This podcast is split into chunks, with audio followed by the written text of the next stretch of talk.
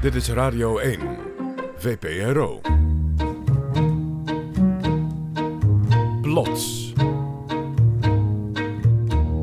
Chris Baiema en Jair Stijn.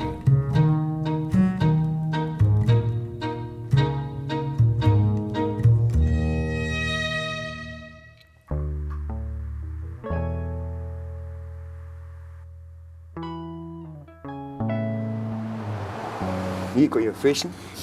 Ik er dan een hengeltje uit te gooien. Ploep. Staat hier mijn tent. Zo hier.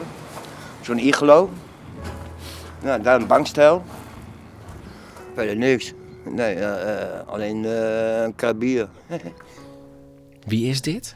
Johan, En waar zijn we? Ik gok dat we ergens in het noorden van Nederland zijn, zo te horen. in Groningen zijn we. Ja. Johan die was 15 jaar dakloos daar, maar had dus wel een vaste verblijfplaats. Namelijk onder een viaduct in een tent. Nou, dan ga ik daar eh, een beetje eh, liggen eh, in mijn tent. eh, lezen en zo, boekjes lezen, stripboeken. Donald Ducks en zo. Het klinkt, ja, zo, maar het klinkt eigenlijk wel gezellig wat hij nu zegt. Dat vond hij ook echt. Hij, Oh. hij zei dat een beetje deed denken aan vroeger bij zijn moeder thuis. radiootje erbij, ja, natuurlijk. Ging altijd eh heel slam FM altijd luisteren. Ja, Maar op een dag krijgt hij een echt huis aangeboden. De eerste nacht valt hem een beetje zwaar. ik vond de huis te lang, de woonkamer te groot. Want je bent ge- gewend eh, eh, klein te leven in zo'n klein eh eh, iglo-tentje. En opeens kom je in eh, een groot huis, weet je wel, voor je gevoel. Want je hebt opeens krijg je een slaapkamer erbij, en een woonkamer en een keuken. En je. Ja, hij voelde zich gewoon niet thuis in dat huis. Dat is te groot. Ja, het is niet alsof hij niet dankbaar was, maar dit huis, daar verdwaalde hij in. Hij had een soort omgekeerde claustrofobie daar. Ja. Dus hij zorgde dat hij eigenlijk zoveel mogelijk weg was. Zodra hij wakker werd, naar buiten. En dan ging hij bijvoorbeeld in de bibliotheek zitten een hele dag. En dan s'avonds naar huis, meteen naar bed. Om de volgende ochtend weer zo snel mogelijk weg te zijn. Ik heb eh, te snel ja gezegd, wel. Ik vond het te netjes, dat leek net zo'n bejaardenhuis. Hij had er spijt van dat hij het huis had genomen. Eigenlijk wel. Dus op een dag neemt hij een radicaal besluit. Nou, toen heb ik gewoon eh, de sleutel op tafel neergelegd en ben gewoon weggegaan. Hij is gewoon weggelopen uit dat huis. En hij ging is weer, ja, hij ging weer zwerven. Sliep in plantsoenen in het park, onder een brug, in een portiek. Toen zat ik in de portiek en zo, eh, en dan zie je wat de regen en zo langs je heen. En dan denk je van, oh shit. Nee jongen, ik heb wel maar een puinhoop heb ik van gemaakt, heb. dat wel. Dan had ik nou maar wel eh, die huis eh, gehouden, ja. En nu krijg je weer spijt dat hij dat huis juist weer niet had gehaald. Ja. Maar hij krijgt een nieuwe kans. Een nieuw appartement. Ik had net een bankstel en een tafel. Een stoel, meer, voor mij is meer dan genoeg. Eh, niet te groot, gewoon eh, klein. Dus eh, nou, bijna net zo groot als een tent. Kun je eigenlijk zeggen, zo'n bungalow tent. Ja, gewoon een huis op zijn maat. Maar je ziet dat het nog niet zo eenvoudig is om thuis te komen ergens. De verwachtingen zijn zo groot, maar de praktijk kan tegenvallen. En soms is thuis ook niet helemaal waar je verwacht dat het is, maar heel ergens anders. Dit is Plots met wonderlijke, ware verhalen rond één thema. En dat is deze keer Thuiskomen.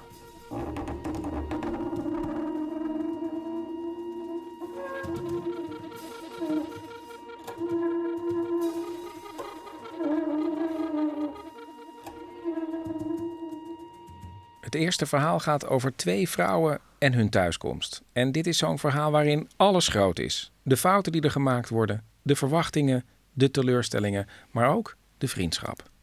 Acte 1. Vera en Annelies. Een verhaal gemaakt door Jennifer Patterson. Ik heb zo mij gebukt, heb ik echt de grond gekust. Mensen keken naar me, maar het maakte me niet uit. Ik was zo blij, zo gelukkig. Ik zag de Hema. Ik zag, ik toch te zeggen, moet je een stuk kookworst? Ik zei, oh mijn god, wat heerlijk. Want je bent niks meer gewend. Het is middenzomer als Annelies aankomt op Schiphol. Ze is jaren weg geweest. Ja, het is zo mooi, Nederland. Weet je, nu ben ik er weer aan gewend. Maar als je daar vandaan komt, is het zo mooi. De bomen, alles is zo fris. Zo, want die Peru is alles zwart. Van die uitlaatgassen. Annelies had eigenlijk veel eerder thuis willen komen, maar ze liep vertraging op. Drie en een half jaar.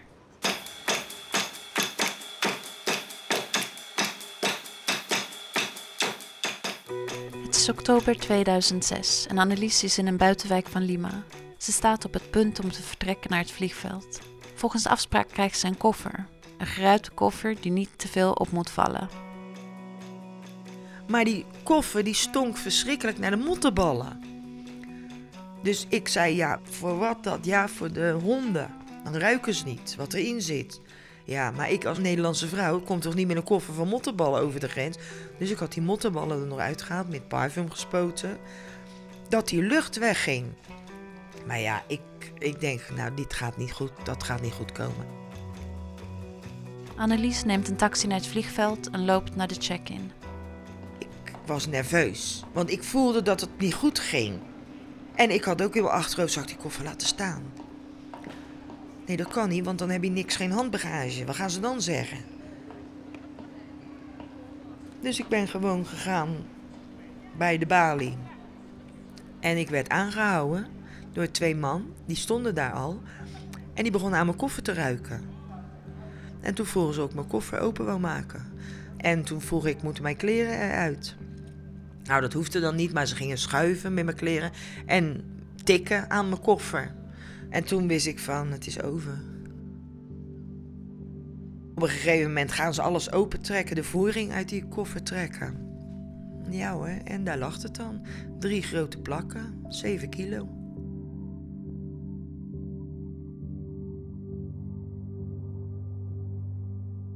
Annelies wordt naar een politiebureau in Lima gebracht. Ze belandt in een cel in de kelder, waar ze met veel andere gevangenen op papier op de grond slaapt. Daar lopen de ratten over je verschrikkelijk. Zo vies, zo stinkt dat je gewoon kotsneigingen krijgt. Na 15 dagen voorarrest komt ze in de gevangenis. Ik had niet voorgesteld dat ik in het Hilton kom. Maar dan word je in een gevangenis gebracht die helemaal open is. Koud. Alles is open. Dan word je op de gang neergelegd. En dat is het beginstadium. In de gevangenis werk je je omhoog door verschillende stadia van slaapcomfort. Van de gang word je naar een kamer. Nou, dan ben je al zo blij. Dan word je onder een stapelbed. Dus je hebt een boven, daaronder. En dan daaronder moet je gaan slapen. Dus dan ga je weer op de grond. Maar dan is het net hotel stoot je hoofd niet. Een doodskist. Ik heb het echt meegemaakt dat er gewoon kakkerlakken in mijn gezicht vielen. Een doodskist lijkt het net. Ja, ongeveer 10 centimeter boven je zit zeg maar het eerste bed vanaf de grond. Dus ja, het is net of je gewoon opgebaard bent. Dit is Vera. Ze zit al een jaar vast als Annelies opgepakt wordt. In de werkruimte van de gevangenis hebben ze elkaar leren kennen. Jij was wat koffie aan het drinken aan het haken. Wat met haken, die deken. Oh, die ellende, ellende dekens. Oh. Twee, perso twee persoon sprei. Het, is heel vreemd, maar je krijgt geld uit Nederland gestuurd van je kinderen. Om te overleven. Dus dan hou je een beetje geld over en dan ga je ik schreef heel veel, maar doordat ik kon haken, ging ik voor mijn kleinkinderen dingen haken. Op een gegeven moment bleef je mutsjes haken ook, maar die kinderen groeien door, die dragen zie je niet, die mutsjes. Dus dan ga je maar een dekbed ga je haken. En dat stuur je dan naar je kinderen. Nou, dat ziet er ook niet uit hier natuurlijk, weet je, maar voor mij was dat iets om terug te doen. En zo heb ik Vera leren kennen met haken. Spreien, dat was hem, ja. De rondjes, de, de vierkantjes, de vierkantjes, nog meer vierkantjes. Vanaf dat moment zijn ze zoveel mogelijk bij elkaar. We mochten elkaar zo graag. We zijn ook afzijdig, zijn we een beetje van de anderen gaan zitten. Niet om te laten, want wij zijn. Nee, we waren ze zat. Je moet werken, dus je moet je eigen aan de regels houden. En ik wou mijn eigen aan de regels houden, omdat ik naar huis wou. En toen op een gegeven moment ben ik ook, heb ik overplaatsing aangevraagd. Of ik alsjeblieft bij Vera op de afdeling mocht. Nou, met goed gedrag mocht dat dan. Maar het is een vreemd duo. In een norma normaal leven was ik haar niet tegen. Was ik Annelies waarschijnlijk niet tegengekomen. Want zij heeft gewoon een hele andere, ja, ja leefwereld als mij, zeg maar weer. Zij is een heel ander type. Annelies is een geblondeerde Rotterdamse van bijna 60, die afwisselend thuis is geweest met haar kinderen of in de horeca heeft gewerkt. Vera is 36 en is opgegroeid in een heel ander milieu en leidt een heel ander soort leven. Ik ging echt uh, naar festivals en zo. Weet je wel, survival camps en ik ging backpacken en dat soort dingen. Weet je, door Italië trekken en uh, ja, dat soort dingen. Ja, dat was niet echt iets voor haar, nee. Ik zie haar niet zeg maar met de chili peppers op de achtergrond. met een rugzakje en tentje gaan opzetten, nee hè? Nee. Maar ja, het klikte wel. Ik vond het helemaal geen type om in de gevangenis. Daar ben ik ook geen type voor in de gevangenis. Maar ja, zij was zo netjes. Maar ja, ik vond het wel gelijk een liefheid. Het is moeilijk om te begrijpen hoe deze twee vrolijke, gezellige vrouwen tot het besluit zijn gekomen om drugs te gaan smokkelen en zichzelf in deze situatie hebben gebracht. En het is alsof ze het zelf niet helemaal snappen. Ik durfde nog geen kruimeltje in mijn zak te nemen, want ik heb nog nooit een bekeuring van mijn leven gehad. En dat meen ik echt. Maar eigenlijk staat ze al langer in de problemen. Annelies kwam in aanraking met drugs via haar jongste zoon. Hij was verslaafd en kwam bij haar in huis wonen. Toen is het eigenlijk een beetje ook bergafwaarts met mij gegaan. Want ik heb hem bij mij thuis laten gebruiken. Dat ik dacht, dan gaat hij niet naar buiten. Dan doet hij het bij mij thuis. En op een gegeven moment raak je daar dan toch in verzeild. Annelies begint zelf te gebruiken, bouwt schulden op en drugs smokkelen lijkt een makkelijke manier om snel aan geld te komen.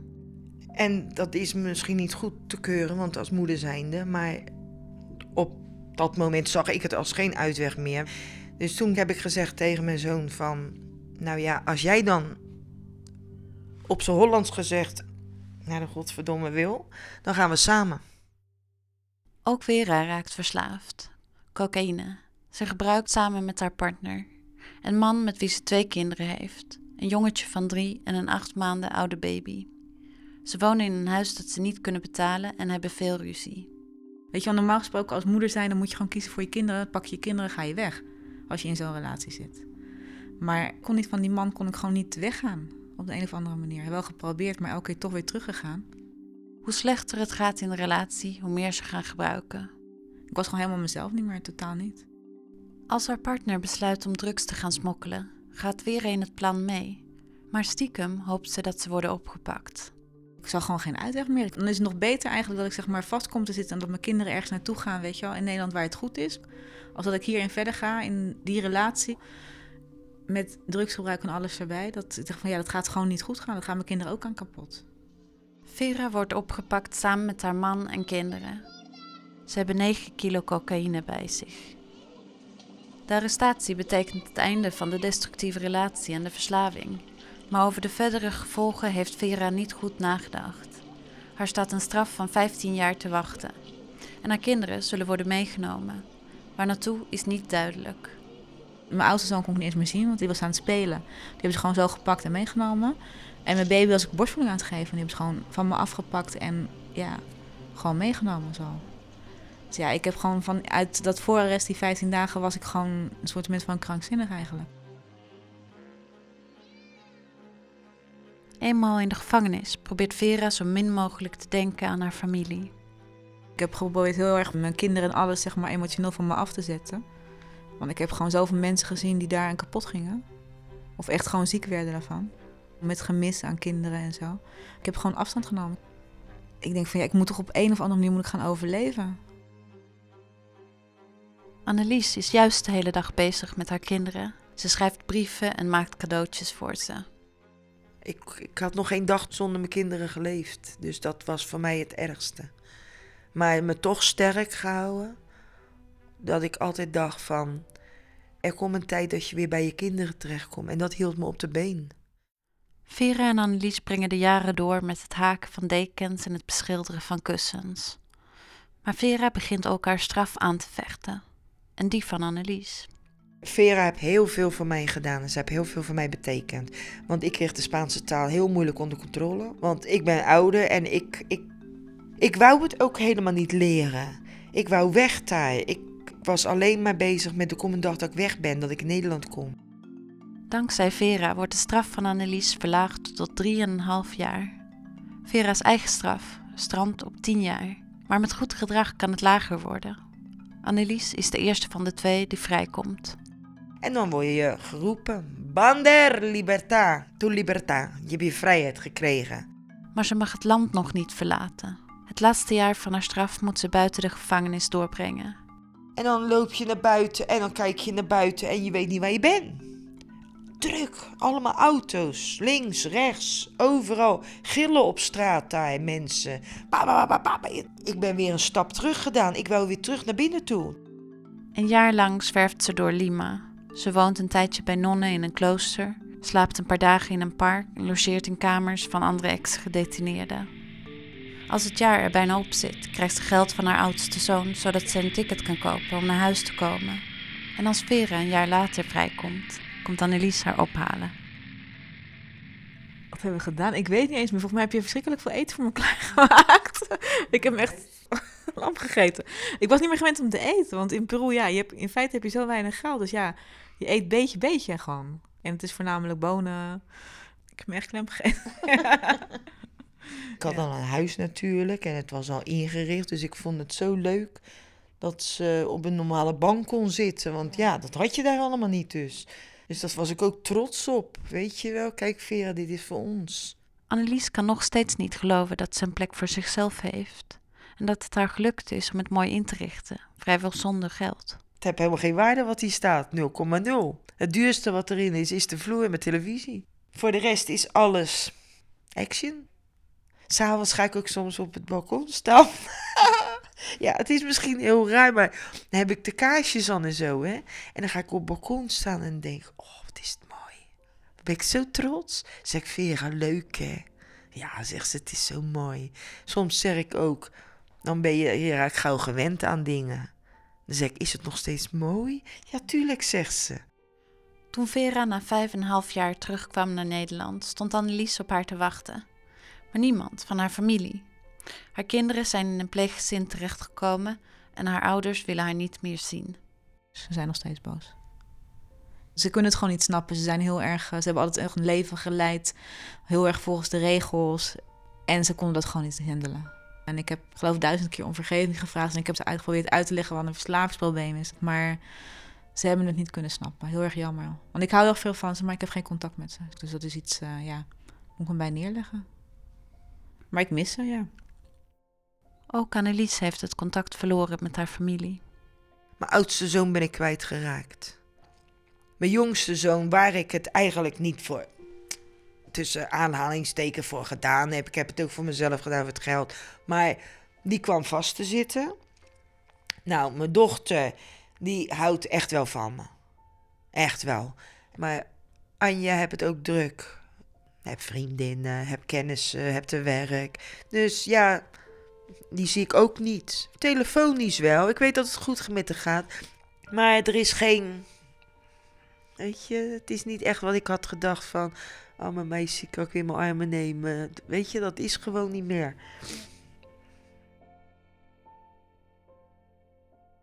Annelies en Vera genieten van de herwonnen vrijheid. Maar het leven thuis is moeilijker dan ze hadden verwacht. Af en toe denken ze met heimwee terug aan de gevangenis. Soms mis ik het wel, ja. De vriendschap met bepaalde meisjes binnen. Aandacht voor elkaar. Ja, dat mis ik. Het, ik vind het gewoon heel, het is heel moeilijk. Echt heel moeilijk. Omdat ik in de gevangenis had ik zeg maar het gevoel nog van eigenwaarde. Want ik was zeg maar voor mijn gevoel, weet je, ik was aan het werk, ik was dingen aan het doen. Je hebt een routine. Je hoeft inderdaad niet na te denken over of ik eten had of wat dan ook. Of weet je, een plek om te slapen. Dat hoeft, je, je kan in feite kan je ervan afzetten, weet je. Je bent alleen maar bezig met het feit, of ik was alleen maar bezig met het feit dat je, naar, dat je uit de gevangenis wil. Dus dat is gewoon, je hebt een streven dan. Maar dan kom je hier en dan is in feite je leven is ineens doelloos eigenlijk. Vera kan haar kinderen in het pleeggezin minder vaak zien dan ze zou willen. Ze maakt zich geen illusies dat ze ze helemaal terug zou krijgen, maar doet haar best om een band met ze op te bouwen. De eerste keer dat ik ze zag, was, was echt heel erg eng. Want je weet helemaal niet wat je kan verwachten. Ik wist niet eens eigenlijk hoe groot ze waren of hoe klein eigenlijk nog. Maar toen ze binnenkwamen, dat was echt heel erg eigen eigenlijk. Ik hoorde zeg maar die stem hoorde ik al buiten de deur. Dus toen was echt, ja, het was gewoon heel erg emotioneel natuurlijk. Maar ze kwamen ook gelijk op me af. En de oudste die was gewoon gelijk dat hij me omhelsde. En daarna schrok hij ook wel weer een beetje. En die kleine was meer zeg maar dat hij een beetje ging kijken. Weet je, ook altijd de boom kijken. En op een gegeven moment ben ik toen met hem gaan spelen. En toen kwam hij ook een beetje los. Ook een baan vinden zal tijd en moeite kosten. Werken als leerkracht, wat ze vroeger deed, kan ze met haar drugsverleden niet meer doen. Het enige wat op dit moment makkelijk gaat, is hun vriendschap. Daarmee komen ze de dagen door. Binnenkort is Vera's jongste zoon jarig. Ze heeft cadeaus voor hem gekocht. En? Is het gelukt? Ja, Ja? dat lijkt wel. Oh, dat is zoiets als dokter Bibber? Ja. Oké. Oh, Alleen dat is leuk. Ja. Jawel. Nee, dat kan niet wel. Tuurlijk. Dit is mijn mama. Leuk joh. Ze is degene die me opgevangen heeft, weet je wel. En die me dan wel zeg maar liefde geeft en naar me luistert. Als ze een dag weg is, nou dan mis ik het. Dan bellen we elkaar. Nou, ik mis je toch wel hoor. Kom eens gauw naar huis toe. Ik heb al voor het raam gekeken of je al komt. Ik zeg nog even, lijkt mijn man wel. Weet je, want dan mist hij toch. Ze hebben elkaar, maar ze zijn in zekere zin ook tot elkaar veroordeeld. Zowel in de gevangenis als nu erbuiten, in vrijheid. Ik had verwacht van mijn kleinkinderen zijn groot nu. Kijk, ze hoeven niet iedere dag bij oma te zitten. Tuurlijk, dat kan ik begrijpen. Maar je ziet ze helemaal niet meer. En daar heb ik Vera voor dan, dat ze zegt, Annelies, kom op, weet je wel. Je moet verder.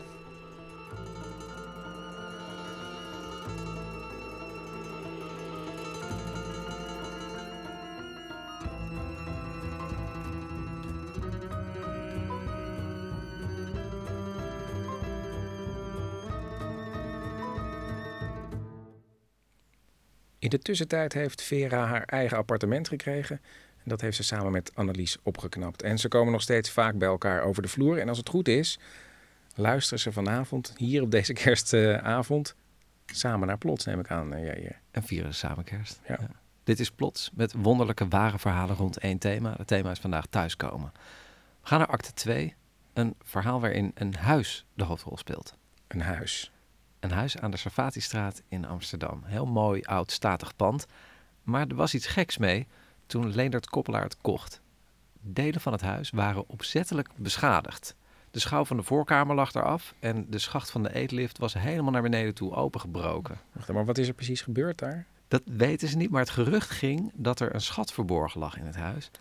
En de vorige eigenaar had hem gezocht, maar niets gevonden. En vindt die eigenaar, die nieuwe eigenaar, heeft hij wel iets gevonden? Hij vindt wel iets, maar niet wat hij dacht. Acte 2. Savatistraat 88. Een verhaal gemaakt door Laura Stek.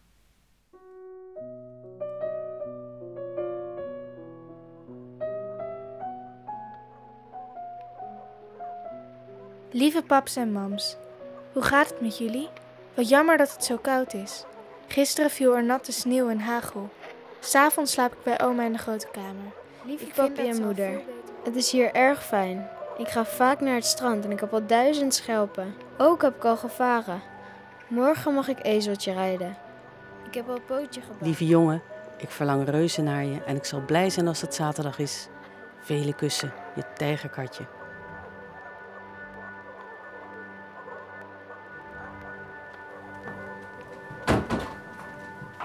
Sarfatistraat 88. Een groot en donker pand uit bouwjaar 1874. Leendert Koppelaar koopt het zo'n 40 jaar terug vanwege het authentieke karakter. Er zat nog een hele oude kamer in. Wij noemen dat de bruine kamer vanwege het behang. En de schouwen vond ik zeer interessant. Met beeldjes erin. En een schilderijtje erboven. Je vond het een bijzonder huis. Ja, heel bijzonder. Ik ben er wel één nacht gebleven om te kijken of het spookte. Het was wel zo bijzonder dat het zou kunnen spoken. Maar ik heb heel rustig geslapen hier. Leendert en zijn gezin voelen zich goed in het huis. Maar dat blijkt niet voor iedereen te gelden. Er zijn mensen geweest die vonden het eng. Die vinden het heel eng om hier te zijn. En eh, er zijn ook mensen geweest die zeggen: het komt uit de muur op je af. Ik zou die de behangen afslopen. Dus het is wel een, eh, het is wel een huis met, waar geschiedenis in zit. Maar wat de geschiedenis van het huis is, is niet helemaal duidelijk. Op een dag wordt er aangebeld. Er staat een vreemde vrouw voor de deur, die graag even binnen wil kijken. Ik zei: oké, kom erin. En ik ging hier de bruine kamer binnen. En eh, ze bleef in de opening van de deur staan. En ze zei: Het is nog precies hetzelfde. En ze zegt: Ik ga weg. Ik zei: Hoezo? Ja, nou daar stond zijn tafel. Ik zei: Welke tafel? Nou, van de dokter. En eh, ze draaide om en ze liep weer de deur uit. Dus ze, wilde, ze werd ter plekke herinnerd aan iets wat ze niet meer wilde weten.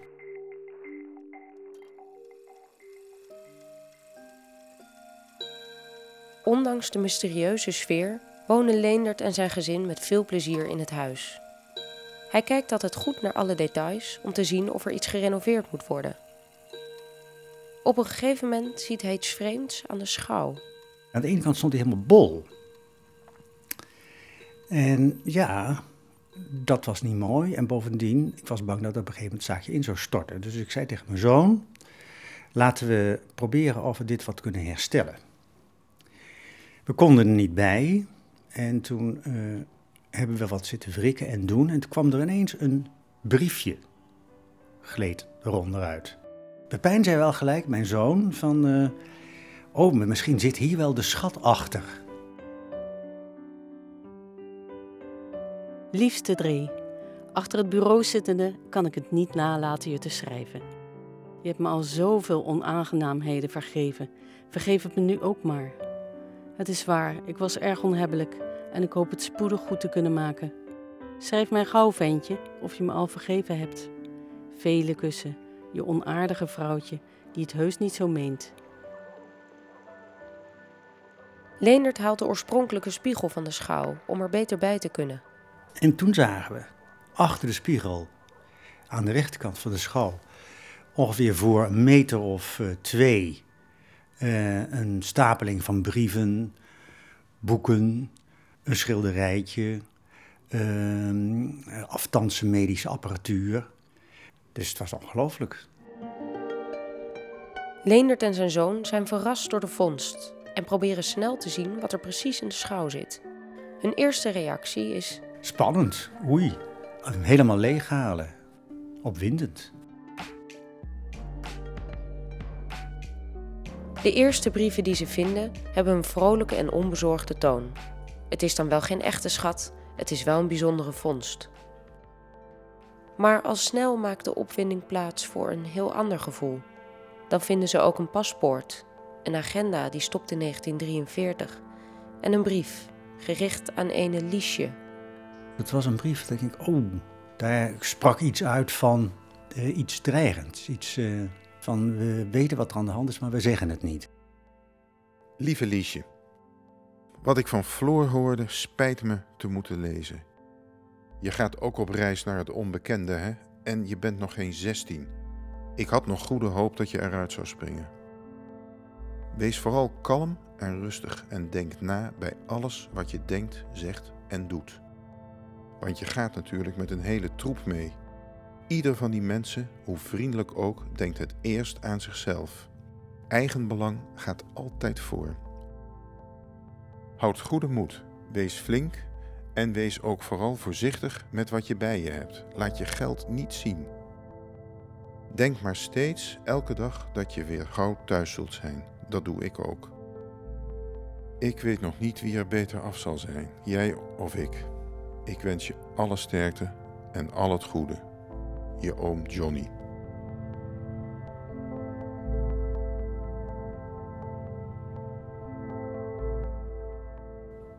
De spullen blijken van de Joodse doktersfamilie Bloch te zijn.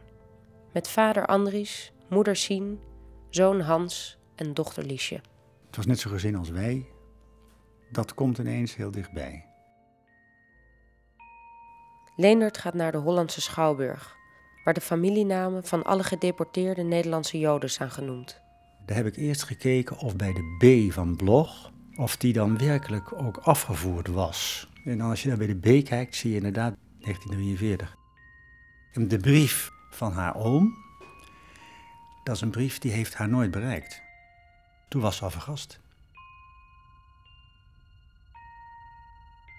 Lieve Lies, wel bedankt voor je aanzichtkaart. Amsterdam is veel stiller geworden. Geen mammies telefoontjes, geen fietsende of spelende lies.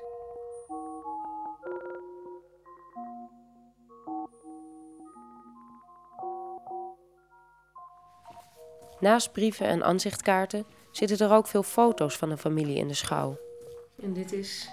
Waarschijnlijk Liesje. Dit is Liesje. Leendert vindt ook een foto die duidelijk maakt waar de vrouw naar verwees die niet naar binnen wilde. Laten we eens even kijken. Ja, dat klopt wel, ja. nou, ik heb het hier over. Dit was zijn, tafel, zie je dat? Hier zie je dan al medicijnen staan.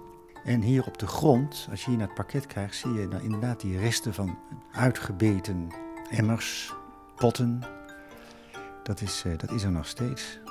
Dus wij zitten nu in zijn onderzoekshoekje. Eh, ja, dit nou in zijn, eh, zijn medicijnenhoek in elk geval. En zijn onderzoekshoek is daar. In de foto's komt de familie meer en meer tot leven. De dokter achter zijn bureau, de moeder in de keuken, de kinderen spelend in de bruine kamer. Ze komen misschien wel iets te veel tot leven. Het levert je wel een soort afgeleid schuldgevoel op. Mag dit wel hier zijn en van hun mooie uh, houtsteenwerk daar zitten kijken? Je zou bijna vragen om toestemming, maar die krijg je niet, want ze zijn er niet meer. En toestemming om alle persoonlijke brieven te lezen krijgt Leonard natuurlijk ook niet. Zijn eigen nieuwsgierigheid gaat hem in de weg zitten. Je betrapt jezelf op, op toch op de neiging om dan naar uh, sensationele details te zoeken. Dan, als je dan zo met die dingen aan de gang bent, is het alsof je toch in een soort uh, historische piepshow bent beland. Dat is niet helemaal legitiem. Ah ja. Dan zal dit Hansje geweest zijn, ja. Dan dit is het trapje wat hier naar de tuin loopt. Op dit trapje zat mijn zoon ook altijd zondagmorgen hier al vroeg klaar op mij te wachten. Dus die zat vaak zo op dat trapje. Hij zat ook graag bovenop. Ik kom dus thuis in een huis en ik loop dus in de tuin en ik zit dus op het trapje. Wat nog van hen is. Want er zit eenzelfde jongetje van, van ongeveer dezelfde leeftijd misschien. Ja, mijn zoon was, ja. Hm. Lieve Ietje en oom Aki, hoe gaat het met jullie? Met mij gaat het goed. Ik zit al in de vijfde klas. Ik ben ook al tien jaar. Misschien herken je me niet meer, want ik ben al groter dan oom Elte geworden. Ik moest van de ene school weg, omdat het geen Joodse school was. Maar nou neem ik afscheid. Duizend zoentjes en de groeten van Hans. Ze zijn als het ware nooit vertrokken. Ze hebben het nooit verkocht. Er is geen afscheid genomen. Dat voel je wel, hè? Je woont nog steeds in hun huis. De familie Blog is nooit meer thuisgekomen. Maar eigenlijk zijn ze dus ook nooit helemaal weggegaan. Door de brieven en foto's lijkt de familie nog steeds door de gangen van het huis te dwalen. Maar Savatistraat 88 is te klein voor twee families. Ze zijn te aanwezig. Dat heeft mij doen besluiten om op een gegeven moment maar de dozen dicht te doen. En ze op zolder te zetten of op de vliering.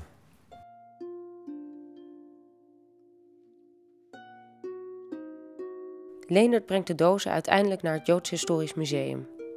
Maar één ding heeft hij niet in de doos gestopt: een schilderijtje waarop een donkerharig meisje in de verte staart.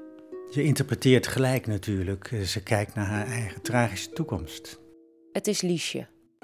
Leendert hangt het naast de schouw. Ja, waarom? Ja, ik vond ook wel iets dat je dan met open ogen moest zien. Jullie hebben hier gewoond en je hebt ook recht op om hier te hangen. Maar de andere familieleden zien het schilderijtje toch liever verdwijnen. Sommige mensen vonden dat niet prettig. Uh, dus nu is het weg. Ja. En daarmee is de familie Blog voorgoed uit Servatistraat 88 vertrokken. Of misschien toch niet helemaal. Want één mysterie is nog niet opgelost. Je mist iets. Je mist de brieven van hem aan haar. En je mist ook de periode dat ze baby waren. Dus het vermoeden is dat een dossier van de vrouw, dat heeft ze bij zich gehouden of dat ligt ergens anders hier in dit huis. Het is een niet afgemaakt gesprek.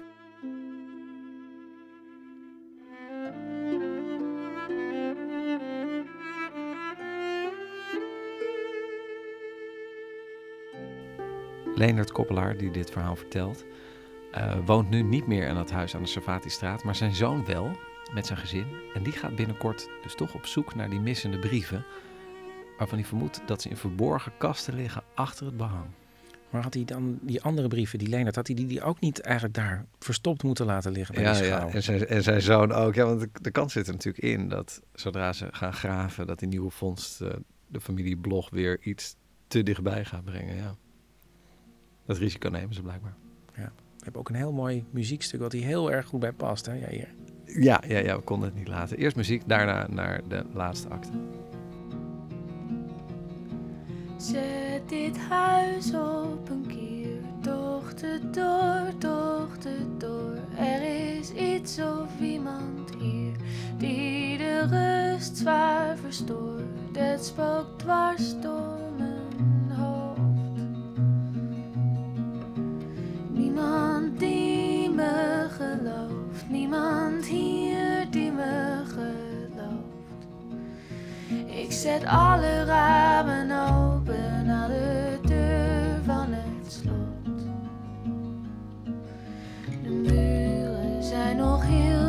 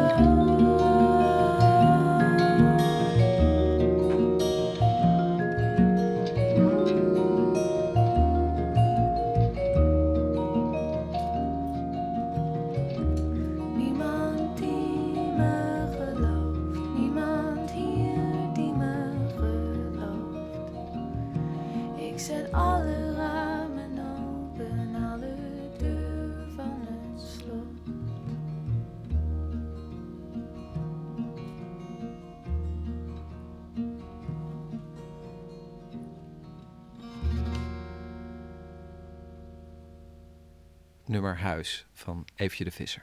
We gaan naar de laatste acte. Die gaat over een herinnering aan een herinnering van het gevoel ergens thuis te zijn.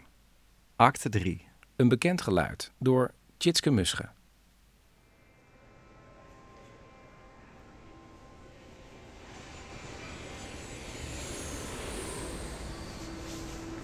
Op 4 november 1976 landt er op Schiphol een vliegtuig met een lading mandjes. In die mandjes zitten kinderen uit Bangladesh, die vanwege een bloedige burgeroorlog en een watersnoodramp ter adoptie worden aangeboden. Een van hen is Sander Mulmeester, op dat moment 2,5 jaar oud. Wie zijn biologische ouders zijn en waar hij is opgegroeid, weet hij niet. Ik eh, weet erg weinig van de tijd voor de adoptie. Ehm, dat lijkt echt wel een soort puur op foto's van oké, dat zal geweest zijn, maar niet als uh, zijnde herinnering. Sander komt terecht in een warm Zeeuws gezin en groeit op als een Hollands jongetje. Maar als hij in groep 8 zit, gebeurt er iets vreemds tijdens het huiswerkuur in de klas. Ik denk dat het wel een van de eerste keren is geweest dat we zeg maar dat huiswerkuurtje hadden en um, ja, dat, dat moest altijd uh, erg muisstilletjes gebeuren en um, maar, ja, mijn, mijn, mijn gedachten gingen een beetje uh, naar buiten toe en ik uh, keek naar de grote kastanjebomen op het schoolplein en ik hoorde ineens een soort ehm, geluid eh, van eh, slaan op metaal. Het was zo intens geluid dat ik op alle muurtjes ben geklommen en gekeken heb ehm, of het daadwerkelijk zeg maar, eh, een groot eh, bouwproject eh, gaande was. Want dat zou gewoon het geluid kunnen geweest zijn wat ik hoorde. Maar er wordt niet gebouwd rondom de school. Het geluid keert terug, steeds tijdens het huiswerkuur in de klas. Het voelde ook wel iets, iets, als iets heel vertrouwds, als iets heel bekends.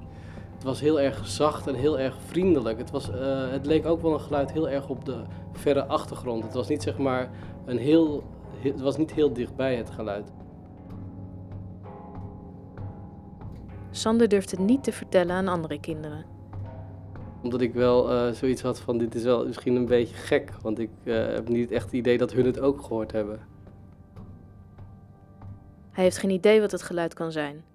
En als hij naar de middelbare school gaat en de huiswerkuren ophouden, is het geluid ook ineens verdwenen. In de jaren erna denkt hij er nooit meer aan. Maar er zijn meer opmerkelijke trekjes aan Sander. Als klein jongetje verbaast hij zich daar al over. Dat ik soms wel eens dacht van ik ben wel een beetje, een beetje vreemd eh, met hoe ik dingen eh, doe. Ik bedoel, de manier waarop ik zeg maar, als kind zeg maar, zat. Dat ik eh, aan het spelen was en dat ik met mijn autootje zo zat. Een soort hurkzitje. Een piramides bouwen van mandarijnen of sinaasappels. Eh, als ik dan eh, boodschappen had gedaan met mijn moeder op de markt, dan dat ik dat op een bepaalde manier deed die niet zeg maar mijn zusje, mijn moeder of andere vrienden en familieleden op zo'n manier zouden stapelen. En dan gaat hij, inmiddels 26 jaar, voor het eerst naar Bangladesh.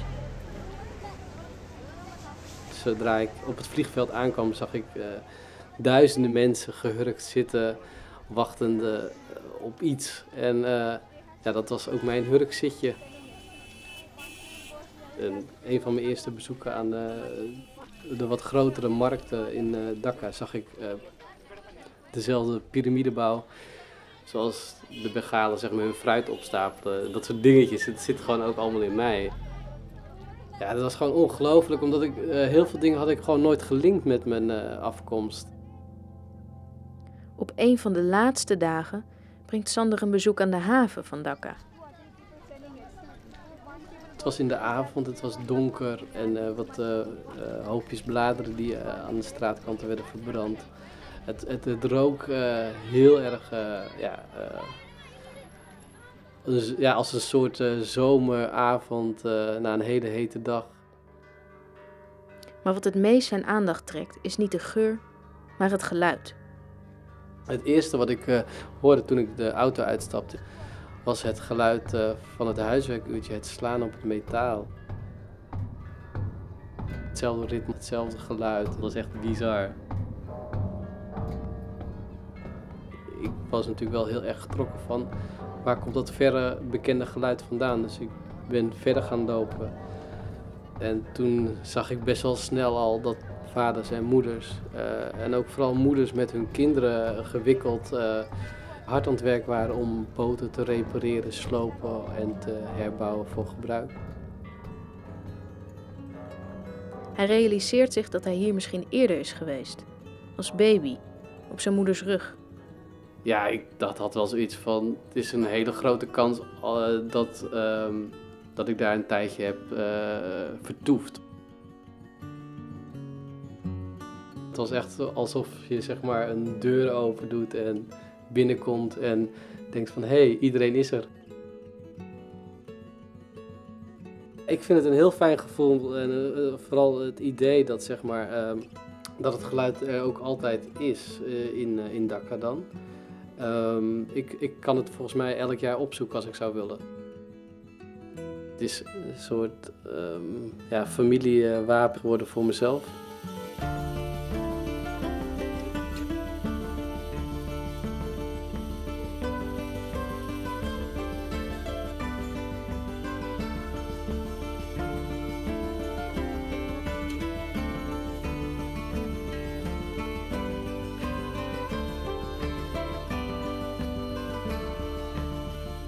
Werd gemaakt door Katinka Beer, Chris Baayema, Bente Hamel, Stefan Heidendaal, Esma Linneman, Tjitske Musche, Jennifer Pettersson, Laura Stek, Jair Stijn. Stef Visjager. En de techniek was in handen van Alfred Koster. Plots wordt mede mogelijk gemaakt door het Mediafonds. Kijk op de site om een reactie achter te laten of de verhalen nog eens te beluisteren. vpro.nl slash plots. En we zoeken ook nieuwe verhalen. We zoeken nog steeds verhalen namelijk over mensen die dingen verzamelen en daardoor in bizarre situaties zijn gekomen. Stuur uw verhaal naar plots.vpro.nl. Zo dadelijk Bureau Buitenland met Harm Ede Botje en volgende week op dit tijdstip Studio Itzerda. En wij zijn er volgende maand weer en dat betekent volgend jaar. Alvast. Gelukkig, Gelukkig nieuwjaar. Met een nieuwe plots en die valt op 29 januari. Thema Onmogelijke liefdes. Inderdaad. Tot dan.